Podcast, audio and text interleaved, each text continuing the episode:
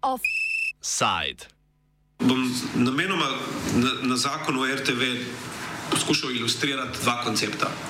Prvi koncept je, da nobene potrebe ni, da čakamo, da se formira vlada. Ker če bomo čakali, da se formira vlada, bo ta zakon prišel v parlament enkrat decembra in nič prej.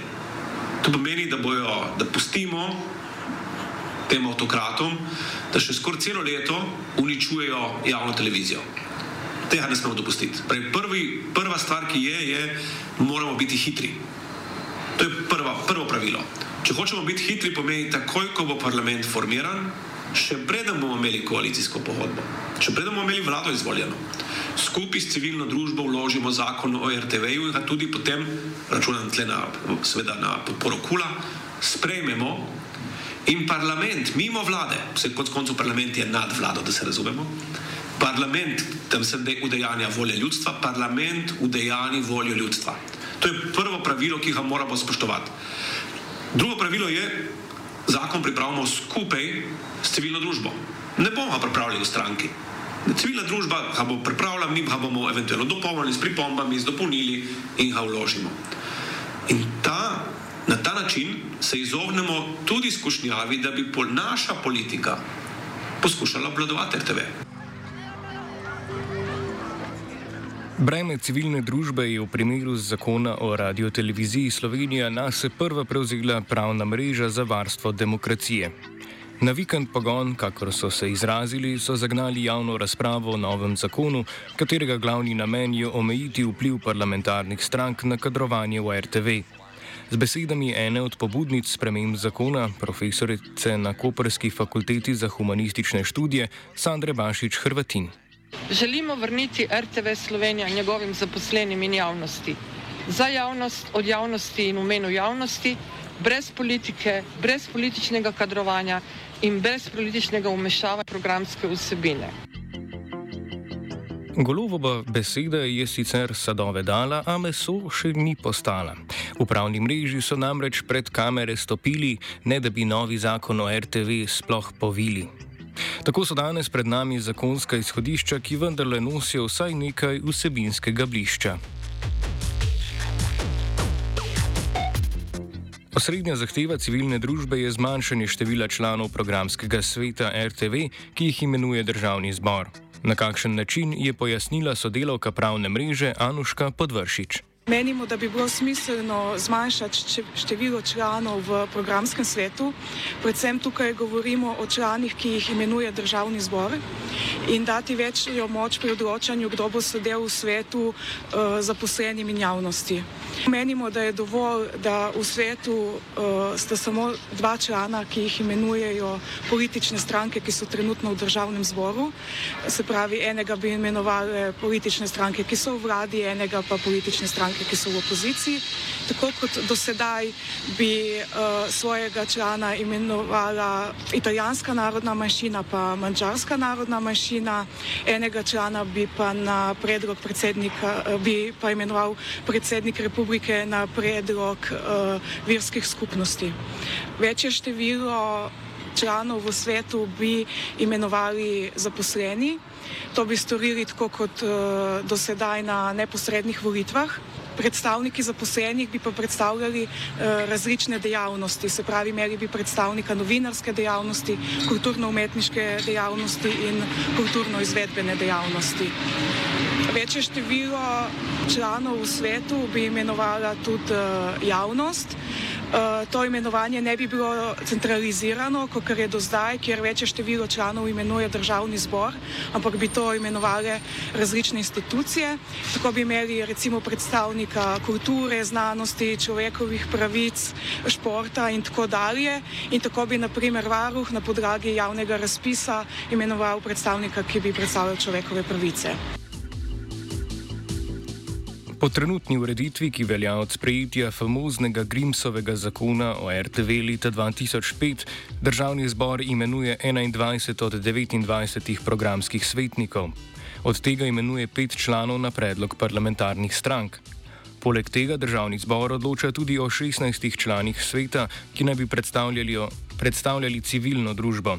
Zaradi tega ima lahko vsakokratna vladajoča koalicija odločujočo vlogo pri sestavi programskega sveta, tako pa tudi vpliv na uredniško politiko radio televizije. Svetniki imajo štiriletni mandat. Večino trenutnih svetnikov je imenovala trenutna vlada decembra lani, funkcijo pa so nastopili začetkom marca, ko je začel delovati tudi trenutni sklic programskega sveta.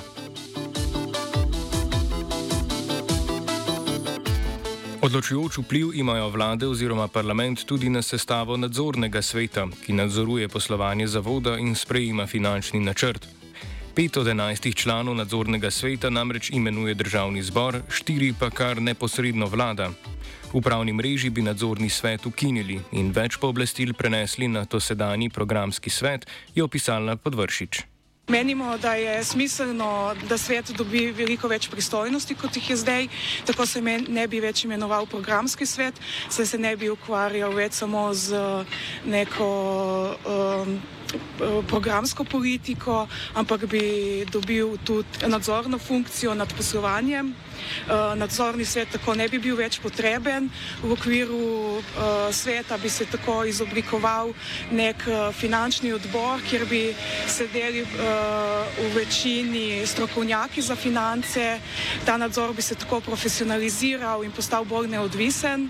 Po našem mnenju pa bi RTV predstavljala in zastopala uprava. Uprava bi imela svojega predsednika uprave in več članov.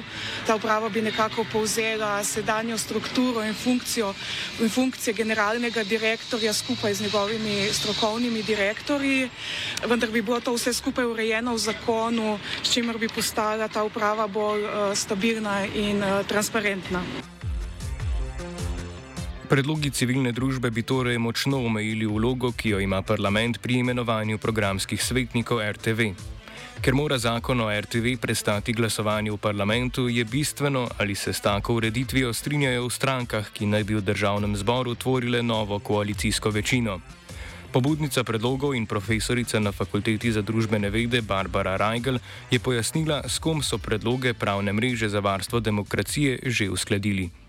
Sprememb smo se lotili na način, da smo pri pravni mreži se pogovarjali z različnimi deležniki, na začetku z medijskimi strokovnjaki, v nadaljevanju tudi z tistimi, ki jih to najbolj zadeva, to so zaposleni in delno tudi javnost. Si pa ne mislimo, da smo naslovili do zdaj že vse deležnike, zato ker je teh deležnikov zelo veliko.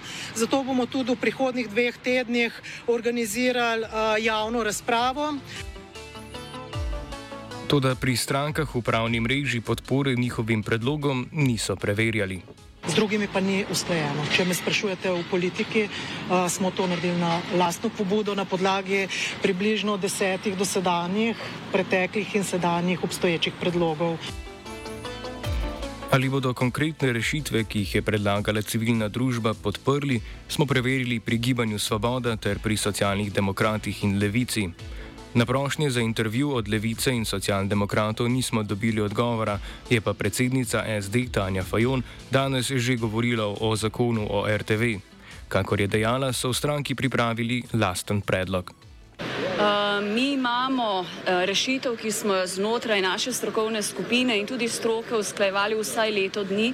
Gre za dva postopka. Eno je takojšnji uložitev predloga zakona RTV, ki umika politiko iz organov znotraj RTV, drugo pa je zakon o RTV. Za tega bi potrebovali bistveno dlje časa, leto in več, tudi zaradi potencijalnega referenduma. Zato bo potrebno vsaj, kar zadeva RTV, dvotirno um, usklajevanje, pristop, imamo pa takoj spisani predlog sprememb RTV zakona za umik politike iz vodstvenih organov.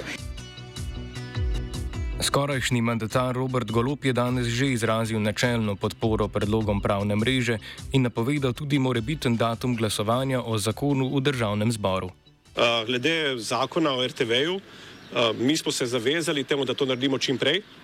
Uh, verjamem, da bomo tekom koalicijskih pogajanj tudi ta zakon temeljito pregledali in jaz upam, da ga bomo podprli v celoti, moče bo še manjši popravek, ampak je o tem uh, danes prezgodaj govoriti. Uh, sami ga podpiramo. In upam, da ga bomo čim prej, kar pomeni verjetno takrat, ko bomo imeli glasovanje o zakonu o vladi, bi mogoče že lahko bila pravi čas za to, če se bomo uskladili v koaliciji glede tega. Vsebinsko je predloge pravne mreže za radio študent komentirala bodoča poslanka in novinarka televizije Slovenija Mojca Šitinc Pašek iz stranke Gibanje Svoboda. Čeprav je omenila, da bodo predlogi potrebni nekaj tehničnih popravkov, bodo spremembo, po kateri bi parlament imenoval le dva člana programskega sveta, v Gibanju Svoboda podprli. Tisto, kar mi je pri tem predlogu všeč, je tudi uh, to, da se povečuje število zaposlenih, uh, ki bi. Eh, bili po novem eh, člani eh, sveta. Morda je sicer to število šest veliko, ne? nekaj popravkov bo tukaj potrebno, nekaj usklajevanj. In pa to, kar je dobro, je, da je v bistvu strani civilne družbe oziroma tako imenovane zainteresirane javnosti, ki ima svoj interes v programih javne radio televizije, da je ostaja iz vsakega področja po en predstavnik, se pravi predstavnik manjšin, eh, predstavnik eh, invalidov, eh, potem sta dva predstavnika narodnosti, predstavnik verskih skupnosti, predstavnik športnih organizacij. Skratka, vse te interesne skupnosti so v bistvu v tem predlogu zastopane. Tako da v bistvu je predlog dokaj dober. Potrebno bo nekaj minimalnih korektur in popravkov, in načelno uh, bi za nas to bilo lahko spremljivo uh, izhodišče, da, uh, se, da ga pač tudi kot svojega prevzamemo. Boste uh, to konkretno, da državni zbor v bistvu imenuje samo dva uh, člana uh, podprli? No? Uh, ja, najverjetneje da. Prav tako bodo podprli preoblikovanje nadzornega in programskega sveta njihova rešitev gre v to smer, da bi sedanji programski svet preoblikovali v 17-članski svet, ki bi iz sebe delno imenoval tako imenovani nadzorni odbor, en del tega nadzornega odbora bi pa imenovala vlada, če se jaz ne motim. Eh, in ta nadzorni odbor bi v bistvu nadziral uh, financiranje in poslovanje uh, javnega radi, radio televizije, tako kot v bistvu počnejo nadzorni odbori po občinah oziroma tudi po drugih javnih zavodih. Nekaj v, tem, v to smer gre ta rešitev. Tako da ta rešitev je v bistvu na nek način zelo strokovna. In pa ker je usklena v ne samo strokovni javnosti, ampak tudi v neki civilni uh, družbi, je načeloma za nas dobro izhodišče. Bomo pa ga morali seveda še malce pogledati, pregledati, uh, morda so potrebne neke določene korekture, načeloma smo pa za ta predlog kar uh, zagreti. Pisanje zakonov v civilni družbi se je začelo že za časa Janševe vlade. Po volitvah se zdi, da bodo vsaj nekateri od civilno-družbenih zakonov tudi prestali glasovanje v parlamentu.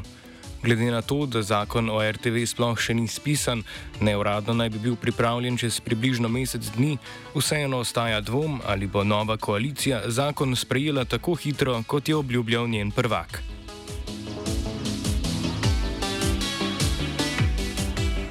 Offside je pripravil Martin. And that's the end of this BBC News.